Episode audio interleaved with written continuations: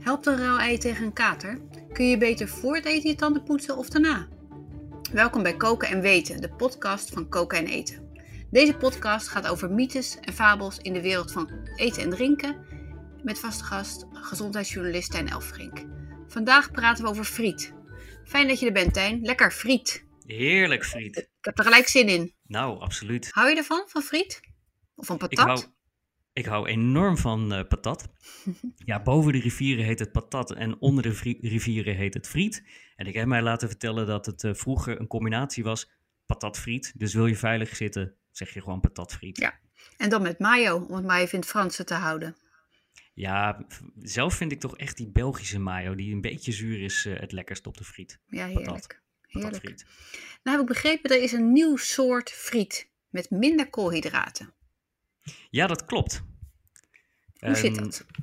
Nou, schrijver Leon de Winter, bekende romanschrijver, die uh, moest van de dokter uh, minder koolhydraten gaan eten, want hij was uh, ziek, hij had prediabetes. En hij dacht, ja jeetje, als ik zo moet gaan eten, ik hou enorm van een frietje. In friet zitten dus koolhydraten, zetmeel.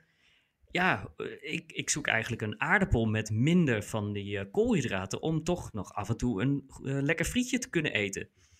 Want het probleem met gewone aardappel is, als je die in de frituur gooit, dus de aardappel waarmee wij bijvoorbeeld een pureetje maken thuis, of waar we gewoon uh, aardappels die we koken, als je die dus in de frituur gooit, dan verkolen ze binnen 15 seconden. Dus ze worden helemaal zwart. Dus dat is, dat is geen oplossing. Dus hij zocht een ander type aardappel, maar de oplossing bleek gewoon iets heel anders te zijn. Dus hij vond een aardappel die gezonder is, met minder koolhydraten. Alleen moest die friet dan worden gekoot. En door dat koten verbrandt die friet niet langer. En wordt de friet, zoals Leon de Winter dat zegt, wordt hij heel romig. Nou, dat klinkt eigenlijk wel goed. Hoe zit het nou met die claim? Nou, volgens Leon de Winter bevat zijn friet 30% minder koolhydraten. Maar daar zijn niet alle deskundigen het over eens. En uiteindelijk kun je zeggen, ja, die friet bevat inderdaad wel wat minder koolhydraten. Dat is waar. Uiteindelijk kun je zeggen, die friet bevat inderdaad minder koolhydraten. Alleen het is niet heel veel. Dus Stel, je zou elke dag friet eten en je zou die friet vervangen door de friet van Leon de Winter. Ja, dan scheelt het inderdaad wel iets. Maar laten we toch hopen dat niet iedereen elke dag friet eet.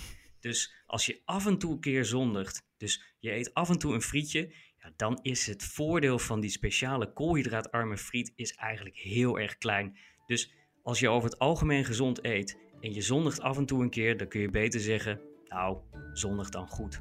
Ja. Nou, dan ga ik gelijk de frituur aanzetten. Dat zou ik zeker doen, met die uh, Belgische mayo. Ja, heerlijk. Eet maar lekker mee. Dankjewel weer. Tot de volgende keer.